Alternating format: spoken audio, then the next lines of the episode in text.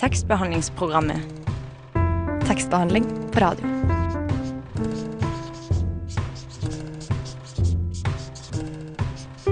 Tekstbehandlingsprogrammet.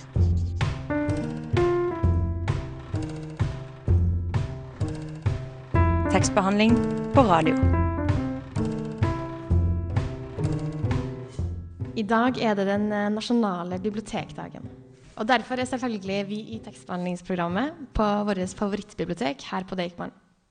Jeg heter Guro Flårning, og med meg her i skjønnlitteraturavdelinga har jeg Nora Helseth. Hallo. Hei. Du har et ganske godt forhold til bibliotek, eh, har du ikke, Nora? Jo. Eh, rett før sommeren så innrømma du noe overfor lytterne våre. For eh, hva som gjør at du føler at du har ferie? Det er veldig flott at du tar opp dette en gang til. Det er like flaut nå. Men eh, et sånt fast ritual for meg etter eksamen er at jeg drar på Deichman og så låner jeg masse bøker.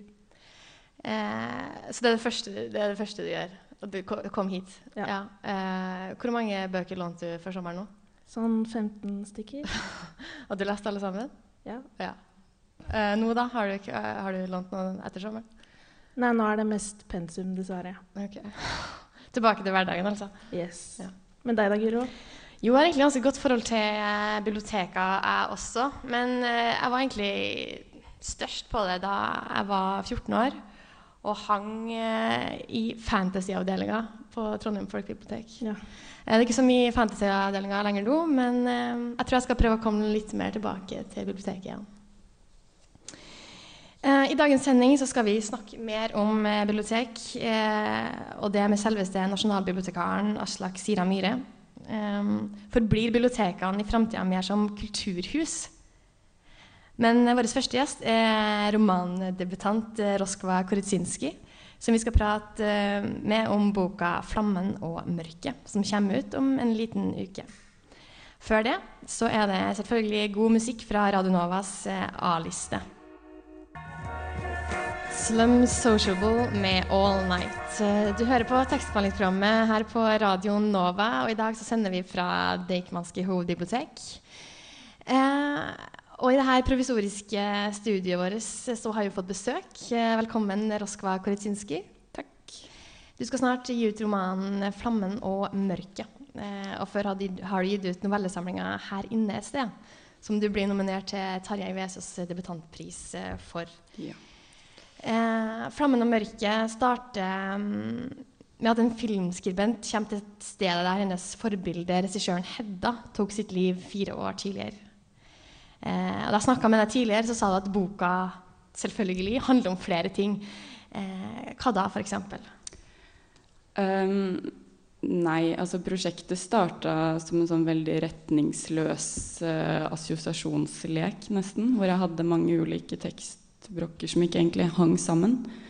Um, og så, ja, sakte, men sikkert så var det en slags historie som uh, uh, presset seg fram, eller uh, et eller annet. Men jeg tror at hvis jeg skal si noe om hva det handler om, så Denne filmkritikeren som er hovedpersonen, hun har jo skrevet en slags biografi om Hedda Weier, som det er en fiktiv filmskaper som jeg har funnet på.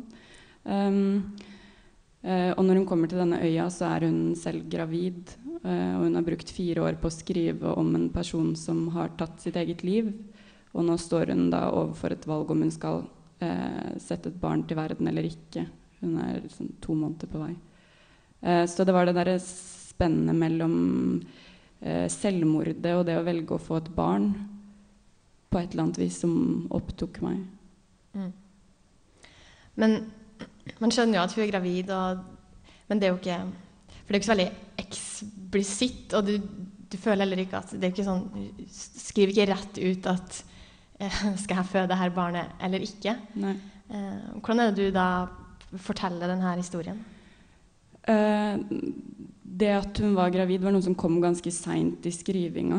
Eh, og det tror jeg kanskje det bærer litt preg av. Eh, men først og fremst så syns jeg det er spennende å se på altså Det skrives ekstremt mye litteratur om selvmordet. Altså det er jo et veldig brennbart tema. Um, men så har jeg personlig i mitt eget liv tenkt veldig mye på det med om man skal få barn eller ikke, og at det er en sånn veldig grunnleggende eksistensielt valg. da. Uh, og det er jo helt selvsagt, men samtidig så syns jeg det er et ganske spennende valg som ikke bare handler om at ens eget liv forandres, men som handler om sant, arven fra sine egne foreldre. Eh, det er så mye eh, i det valget å skrive om. Så jeg prøvde å skrive om de tingene som man begynner å tenke på idet man eh, vurderer å sette et liv til verden. Da. Og det er selvfølgelig mange, eh, mange spørsmål man stiller seg da. For du tenker at.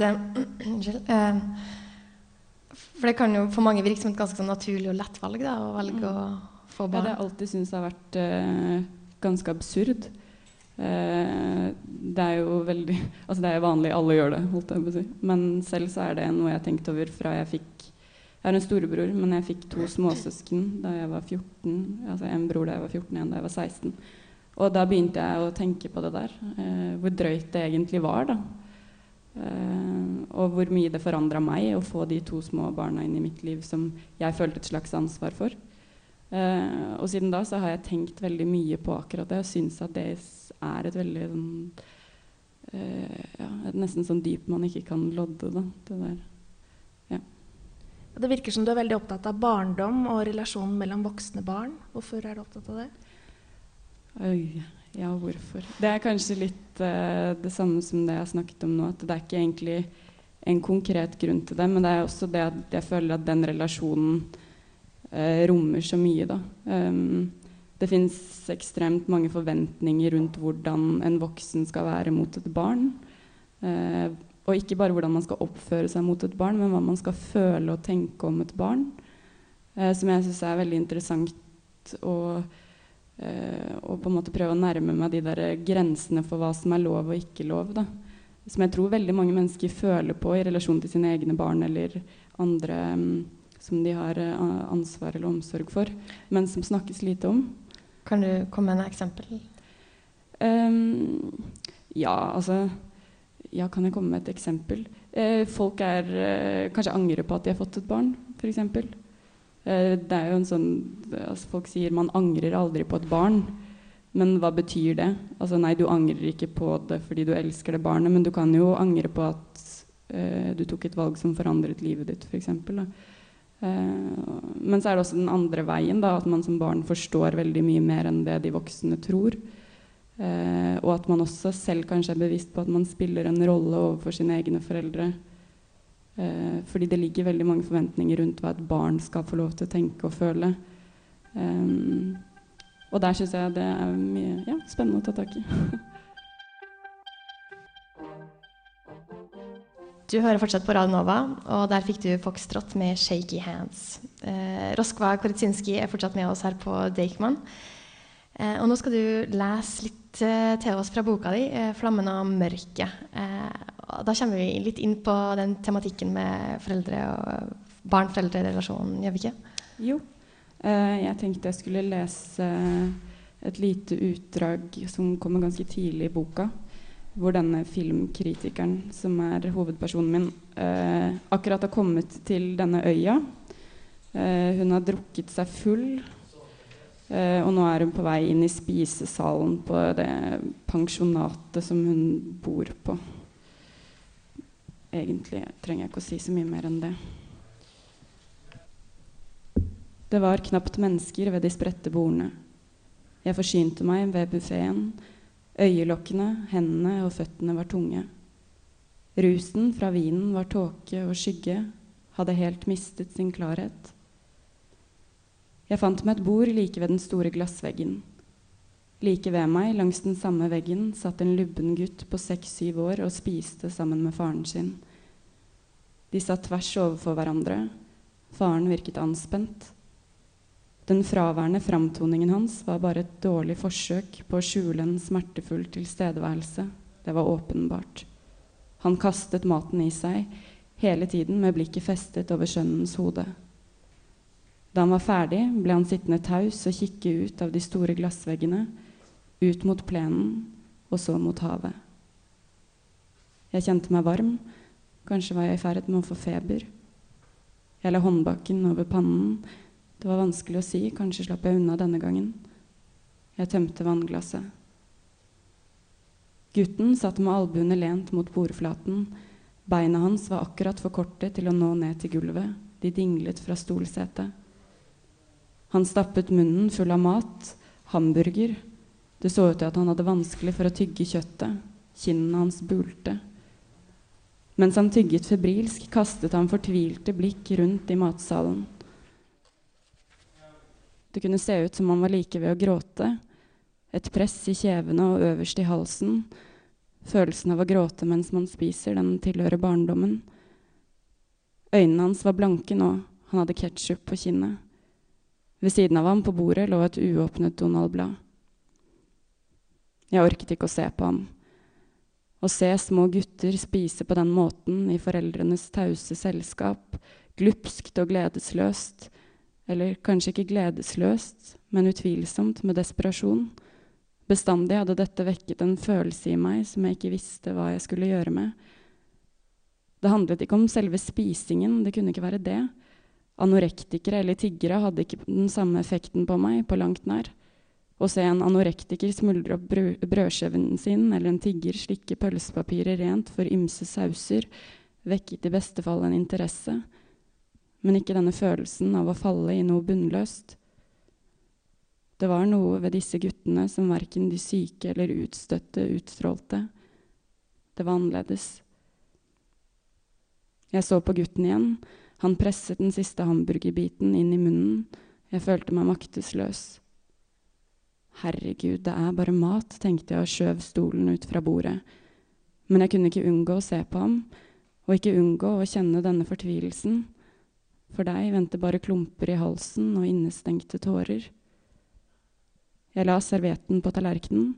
Den ble straks bløt og rosa i kantene. Jeg kjente meg uvel. Da jeg så opp, sto han ved buffeen og gransket meg. En mann, kanskje noen år yngre enn meg, kanskje like gammel, Ansiktet hans var glatt og smilende og nervøst. Han nikket mot meg. Jeg nikket kort tilbake, før jeg reiste meg og gikk. Det her er Verdensrommet med 11. Vi har fortsatt uh, Roskva Karitsinski her i uh, studio. Eh, boka di 'Flammen og mørket' uh, handler jo, som vi snakka litt om i stad, om det, er et slags filmunivers. Uh, og du har sagt i et intervju tidligere at du så mye film i skriveprosessen. Eh, hvordan har det påvirka språket ditt? Um, si det. Eh, jeg vet ikke om det egentlig har eh, påvirka språket utover at um, det finnes en del filmsekvenser i boka. Eller altså eh, fra denne, dette fiktive universet til Hedda Weier, som er denne filmskaperen. Så jeg har jo skrevet uh, en del filmscener, og da kan du ikke reflektere på den måten som jeg vanligvis gjør i teksten. Da. Så det er en ytre beskrivelse. Men jeg vet ikke om uh, utover det om det har prega språket i resten av boka. Muligens. Altså jeg tror kanskje at hvis man skal sammenligne med novellesamlingen, så er det nok uh, en mer sånn skildrende bok. Altså flere naturbeskrivelser jeg har villet at hovedpersonen min skal være veldig obs på eh, altså Hun bruker synssansen veldig aktivt. Da, eh, fordi hun jobber med å se. Um, så ja, det har kanskje prega språket noe. Mm. Ja, for det går jo fra å være første jeg-person til et skifte hvor du snakker om moren til denne regissøren som tar livet sitt. Mm. Hvorfor det? Eh, det er litt pga. det jeg snakket om innledningsvis, at uh, denne filmkritikeren har sittet og skrevet om en uh, person som har tatt livet av seg i tre-fire år. Og nå er hun selv gravid. som innebærer at hun stiller en del spørsmål rundt sitt eget liv, men også rundt det å sette et liv til verden. og jeg tenkte at eh, Eller tenkte, følte Altså jeg vet ikke hvorfor skriver man det man skriver. Men eh, det ble i hvert fall sånn at um, jeg begynte å skrive om moren til denne Hedda Weier. For nå har hun jeg-personen levd seg inn i Hedda Weier eh, i mange år. Og så, hun, og så, skal hun selv gå inn i en slags morsrolle. Um, og da ble det naturlig for meg at hun gradvis begynte å leve seg inn i moren til denne kunstneren istedenfor. Um, jeg kan ikke gi noe sånn enkelt, godt svar på akkurat hvorfor, men, men ja, det har noe med, med den situasjonen hun står overfor selv. At hun skal sette et barn til verden. Mm. Men hva eh, tenker du at det gjør med helheten i boka når det, det er sånn tydelig skifte? For den, den første delen med jeg-personen så er det veldig mye tanker. da. Mm. Og så plutselig blir det mer på, mer på avstand igjen. Ja, jeg vet ikke helt. Uh, nå leste jeg gjennom boka her for et par dager siden for å bare se hva jeg egentlig hadde skrevet. Men jeg hadde fått litt avstand fra det, og det er litt sånn her Herregud, hva er det her?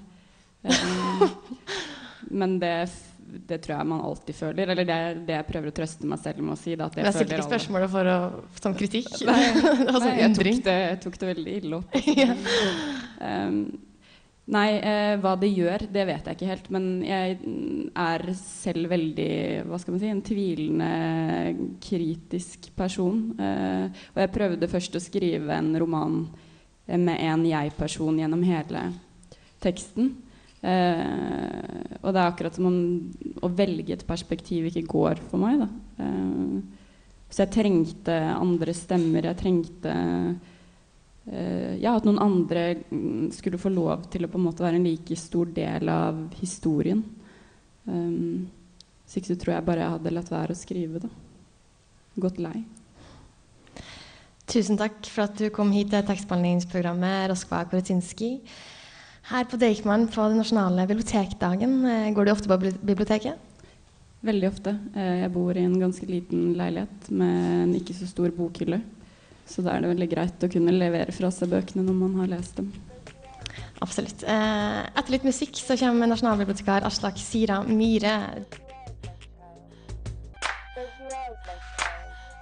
Der hørte du en låt fra Radionovas eh, A-liste. Den eh, kan du finne på radionova.no hvis du er interessert i mer ny musikk. Nå har vi fått Aslak Sira Myhre, nasjonalbibliotekaren, inn hit til bibliotekstudiet vårt. Velkommen. Tusen takk for det. Eh, vi skal snakke med deg om hvordan bibliotekene skal være i framtida. Eh, men først skal vi høre en bitte liten reportasje. Eh, fordi eh, studiestart er nå over i Oslo, men byen er jo fortsatt full av nye studenter. Og ca. 120 av dem har begynt på studiet bibliotek og informasjonsvitenskap på, ved HiOA. Så Derfor så har eh, reporter Hedda Rosenberg tatt turen dit for å høre hva de nye studentene tenker om bibliotekets rolle i framtida. Hei, hvorfor har du begynt på bibliotek- og informasjonsstudiet? Jeg har alltid vært veldig interessert i litteratur og bøker. Det har alltid vært en hobby. Så fant jeg ut det at det var gode muligheter for å få arbeid. Og det er også en litt allsidig utdannelse, så da var det ikke noe å tenke på. Eh, jeg studerer det for å oppfylle min drøm eh, å åpne en bokkafé. Eh, men òg for å ha dette studiet for å jobbe i bibliotek eller i bokhandlere eller jobbe innenfor bøker. Noe som jeg har likt siden jeg var liten. Hei, kan jeg spørre deg, Hvorfor studerer du bibliotek og informasjonsteknologi? For jeg syns det var en god idé å gjøre det. Jeg trodde kanskje jeg kunne få meg jobb, jobb, som det, og jeg kan tenke meg å jobbe som bibliotekar. Hvorfor virker det som et spennende yrke? Fordi at uh, jeg er ganske interessert i kultur, og biblioteket omfatter jo veldig mye kultur og kulturformidling til andre igjen, da. Fordi det er spennende, og fordi bøker er bra. Hvorfor er det spennende? Å nei, dette har jeg ikke tenkt på. Uh, fordi fordi litteratur er gøy, og det er spennende å se hvordan bibliotekene utvikler seg etter hvert som det blir ja, e-bøker og digital ja, alder. Jeg vet ikke hva man kaller det. Hei, kan jeg spørre deg om ting? Eh, hva tenker du om bibliotekets framtid? Jeg tenker det er viktig mm, det bibliotekene holder på med nå, med å lage verkstedsbibliotek, som er en eh, viktig del av prosessen for ungdom. Um, der ungdom kan komme og så, eh, gjøre akkurat det de vil, og bli oppmuntra til selve læringsprosessen. Jeg ser jo for meg at det kan bli mye digitalt, men det er veldig mange som foretrekker å ha papir i hånda òg, fremdeles. Er du en av de som foretrekker å ha papir i hånda? Ja, absolutt. Hva er fordelen med papirboka? Vel, den går ikke tom for strøm i hvert fall, da. Jeg ser for meg at de fleste kommer til å bli nesten 100% digitalisert, men vi kommer til å spare på bøkene og sånn, fordi det er jo arven fra fortida vår. Vi kommer til å ha det digitalisert fordi vi vil, vi vil ha det praktisk. Vi vil ha det lett håndterlig og lett tilgjengelig. Uh, I en digital tidsalder så er jo informasjonen på en måte mye mer tilgjengelig. Og uh, da er det jo veldig greit med bibliotek på en måte hvor man uh, det er på en måte, Da er det jo greit med både bibliotek og bibliotekarer for å hjelpe til å finne fram i den veldig store mengden informasjon. Du er ikke redd for å bli erstatta av en sånn sorteringsrobot eller Google? Ikke i det hele tatt. fordi det trengs for, Selv om Google er tilgjengelig, så er det viser veldig mye informasjon, og det er veldig mye informasjon som ikke er nødvendig. Og En bibliotekars rolle er jo hovedsakelig å finne fram informasjonen som en spesifikk person trenger. Så det, blir, så det burde ikke være noe problem. Er det viktig å være ryddig når man er en bibliotekar, tror du? Um, du må jo ha et system, tenker jeg. Og selv om det kanskje virker uryddig for andre mennesker, så kan det hende at du har et system i det rotet òg. Eh, hvilke oppgaver syns du biblioteket skal ha? Å stille kunnskap til rette for andre mennesker. Basically. Voktere av kunnskap, eh, for å si det litt mer pretensiøst. Hva tenker du om bibliotekets rolle i en digital tidsalder? Jeg tror at bibliotekarer er viktigere enn noen gang, fordi noe av det aller aller viktigste man, man trenger i en, i en eh, digital tidsalder, er å sortere den gode informasjonen fra all den dårlige informasjonen der ute. Eh, bruker du selv bibliotek, og hva bruker du det til i så fall? Uh, låke rundt i, men fra tid til annen låne en bok. Litteraturens rolle tenker jeg har den, de to siste årene etter den nye paragrafen kom, stått litt svakere enn det han uh, burde ha fått plass til i debatten, i alle fall. Og det er flere bibliotek som sier at litteraturen er ikke så viktig lenger, vi må tenke på andre ting. Jeg tenker litteraturen er det viktigste som fins i forhold til samfunnsdebatter og gjør folk bevisst og eh, folkepsykiske sykdommer og hele pakka. Så litteraturen burde få en sterkere plass. Og det har man på mange biblioteker, men kanskje særlig de små bibliotekene ute på bygda og sånne ting. Eh, jeg er nok kanskje litt mer sånn tradisjonell. Jeg liker å komme til et bibliotek og vite at det er stille og det går an å jobbe der og, og finne informasjon. da. Um, men jeg syns også at man skal holde på den derre at det er åpent for alle, og at alle med forskjellige behov kan komme. Mm. Ja. Tusen, tusen takk. Tekstbehandlingsprogrammet på Radio Nova. Uh, her får vi jo fram flere av utfordringene og uh, mulighetene med bibliotekene i framtida. Aslak Sira Myhre, hva, hva, tenker du om det vi hørte i innslaget her? Jeg syns det var veldig bra. Uh, først og fremst fordi at det var ingen av de som ble intervjua som ble bibliotekarer fordi at de likte å katalogisere bøker. Det er jeg veldig glad for, for det skal de heller ikke drive med. Den viktigste endringa i biblioteket, hvis du ser på en lengre historikk, altså det folkebiblioteket i Norge de siste 100 åra, det går fra at du hadde bibliotek i hver kommune hvor bibliotekarens hovedoppgave var å holde orden på samlinger og gjenfinne bøker til folk når de kom inn. Det trengs ikke lenger på samme måten. Uh, bibliotekene har allerede blitt formidlere av litteratur. Uh, like mye som vokter. Én brukte ordet vokter. Jeg tror, håper ikke, jeg tror ikke han mente vokter. Uh, for den som vakter på noe, den slipper ikke folk inn. og det er en sånn, sånn, rolle man kan se for seg med den strenge bibliotekaren med, med hornbriller som sitter og passer på at du er stille og ikke får bøker. Men det er, vi snakker på 30-40 år siden. det i det hele tatt var noe å parodiere. Bibliotekene i Norge er formidlere av litteratur mer enn Norge. Formidlere av litteratur for barn og unge, formidlere av litteratur til voksne, formidlere av litteratur til de som har vanskelig for å lese, formidlere av litteratur til minoriteter osv. osv. Det er altså ikke å passe på, men å ta ut. Uh, den andre tingen som er her, som flere av de er opptatt av, det er jo bibliotekets utvida kulturelle betydning utover litteraturen.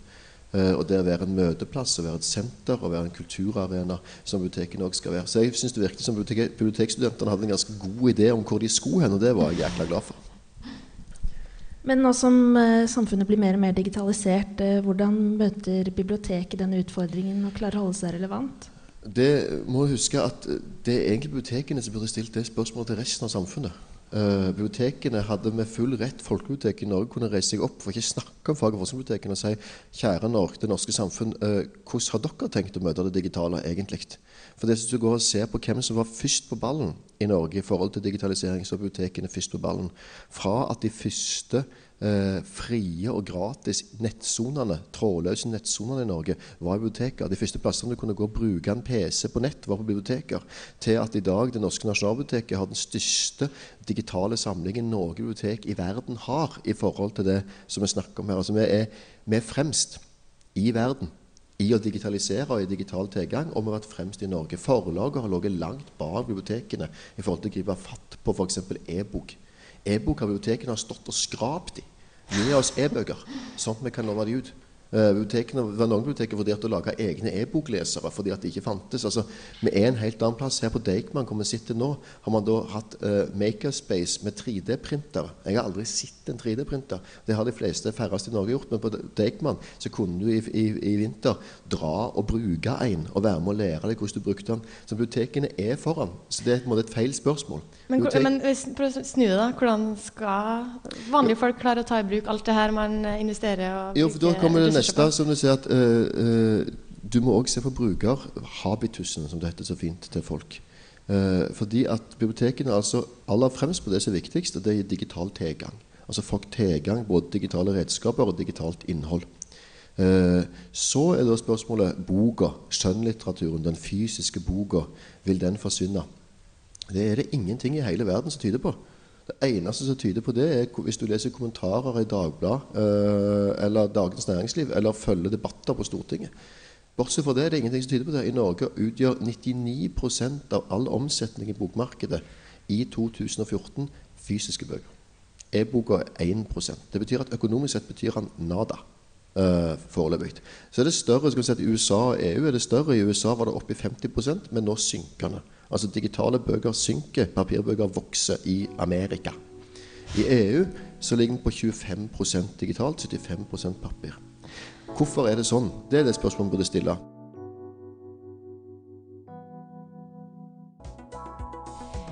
Der hørte vi uh, Ferns med 'Forever Yours'. Um, vil vi ha mer e-bøker? Er det et mål? Uh, det er nettopp det. For meg er det ikke et mål at du leser e-bøker eller papirbøker. For meg er det et mål at du leser. Jeg gir vel beng i hvilken plattform du leser på. Og det burde samfunnsmessig òg være. Det burde være helt plattformuavhengig. Og det gir tilgang på digitale læremidler og digitale eh, bøker, eh, kunnskapskilder. Det handler om å gi folk demokratisk tilgang på kunnskap og muligheten til å velge. Det handler ikke om å tvinge folk over på en annen plattform. Og forskjellen, og det er viktig å ha med seg hvis en skal forstå teknologi, forskjellen på TV og film og musikk, som vi sammenligner bøker mye med, det er at når muligheten for digital distribusjon kom. Altså kunne flytte eh, filmer ut digitalt istedenfor fysisk. Og flytte musikk ut digitalt istedenfor fysisk. Når den muligheten kom, så drev vi allerede og spilte av film og fjernsyn og musikk digitalt. Sånn? Vi spilte det av på en eh, CD-spiller eller en DVD-spiller som er en digital innretning. På et fjernsyn som var en digital og ikke analog innretning på det tidspunktet her. Vil si at digital distribusjon gjorde at vi kunne hoppe over et vanskelig ledd. Det vanskelige leddet var at vi måtte flytte fysisk filmen eller musikken fra en digital opptaksplass til en digital avspillerplass. Genialt. ikke sant? Streaming geniale. Se på bøker. I det øyeblikket du fikk møte digitalt distribuere bøker, fantes det da Leste vi da bøker digitalt? Nei, det gjorde vi ikke. Vi satt ikke og leste på PC-er, på skjermer, på Kindler. Vi leste fysisk på papir. ikke sant? Hva gjorde vi da vi fikk den første digitale boka? Vi printa den. Sant? Vi, distribuerte digitalt for å printe for å lese fysisk, sånn som vi vant til.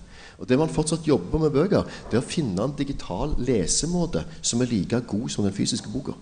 Og det sliter vi fortsatt. Kindle jobber med det, iPader og andre jobber med det. Men foreløpig så viser jeg at de aller fleste som leser skjønnlitteratur, altså for underholdningens skyld, og ikke skal slå opp og, og, og referere faglitteratur, de velger å lese på papir.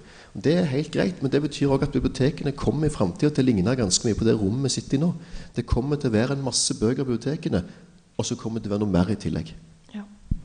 Ja, for at, uh, Da jeg skulle lese boka til Roskva Korzinski, som er i stad, så hadde ikke boka blitt trykt ennå, så da fikk jeg den faktisk på en PDF og leste hele boka digitalt. Og det gikk helt fint an, altså.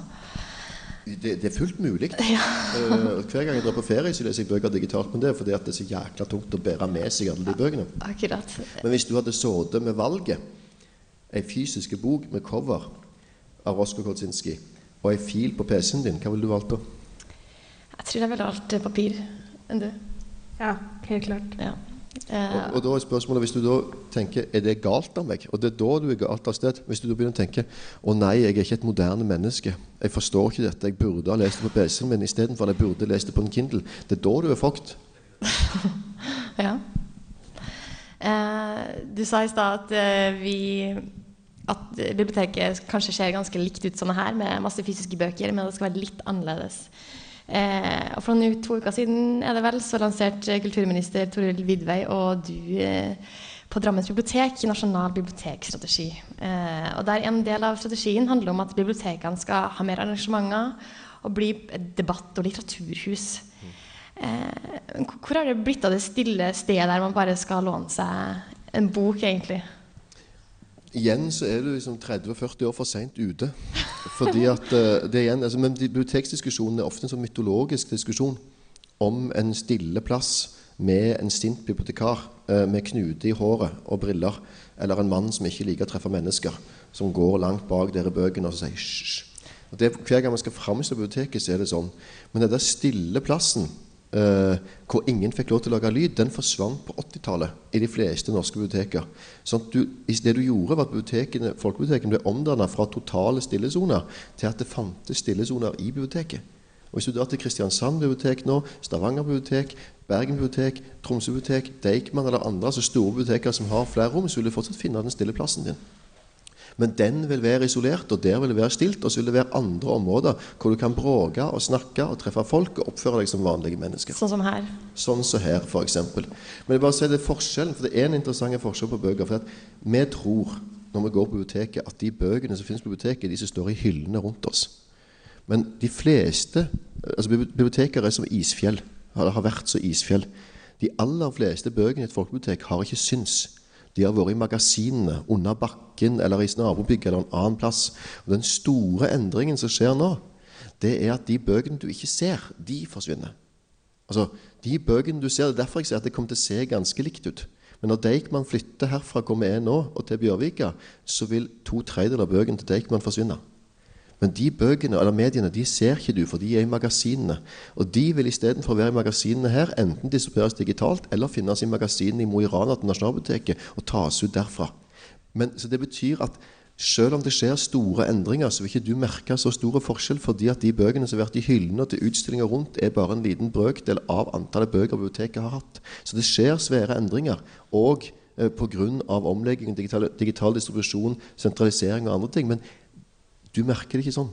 Vi forestiller oss at biblioteket tømmes for bøker, og så blir det en sånn creative spot, uh, en black box, hvor man kan komme inn og gjøre et eller annet og være kunstner.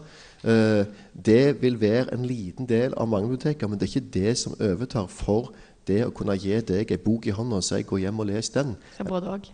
Nettopp.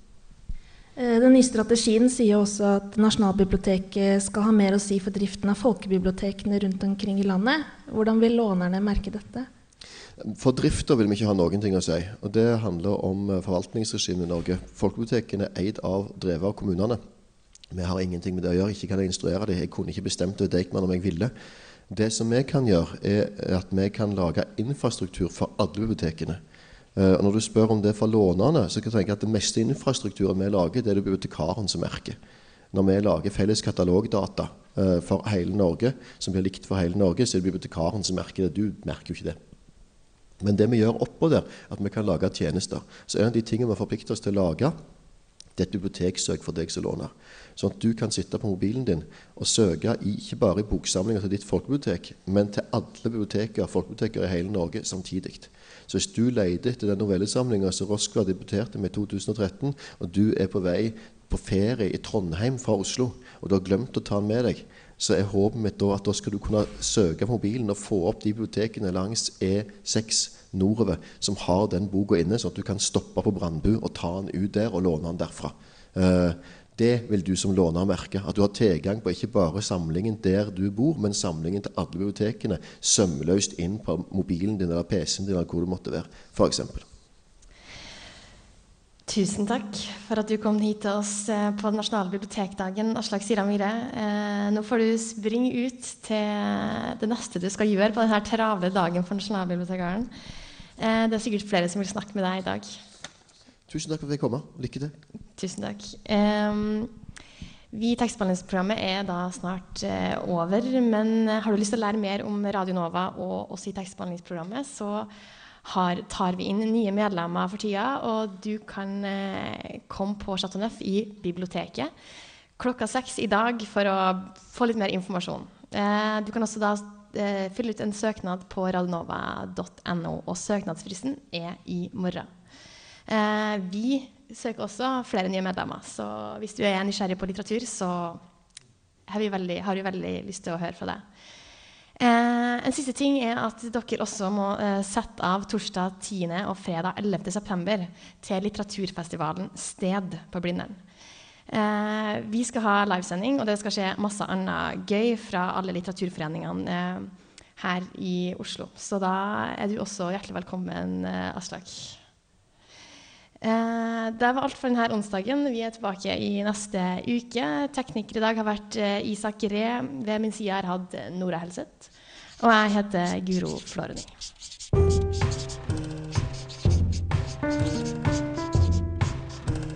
Tekstbehandlingsprogrammet.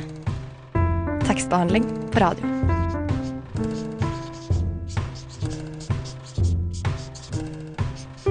Tekstbehandlingsprogrammet.